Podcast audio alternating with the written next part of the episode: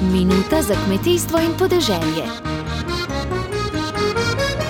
V slovenskih osnovnih šolah, vrtcih in nekaterih drugih vzgojno-izobraževalnih ustanovah so danes zjutraj pripravili tradicionalni slovenski zajtrk. V okviru današnjega dneva slovenske hrane eh, so otroci zaužili domač kruh, eh, ki je bil namazan z maslom, na njem med, eh, zraven so dobili jabolko, marsikaj pa še marsikaj drugega.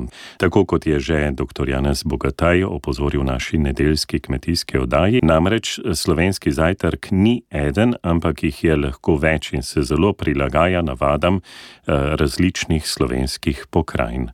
No, letos je posebna pozornost namenjena kruhu.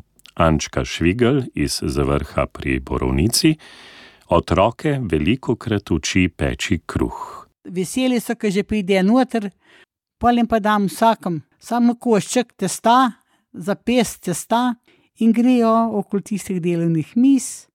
Pol pa jim pa pokažem, pa, pa, pa delajo kitke, ptičke, preste, razne stvari, ne. Pol pa potem z jajčkom namažemo pa damo v peč.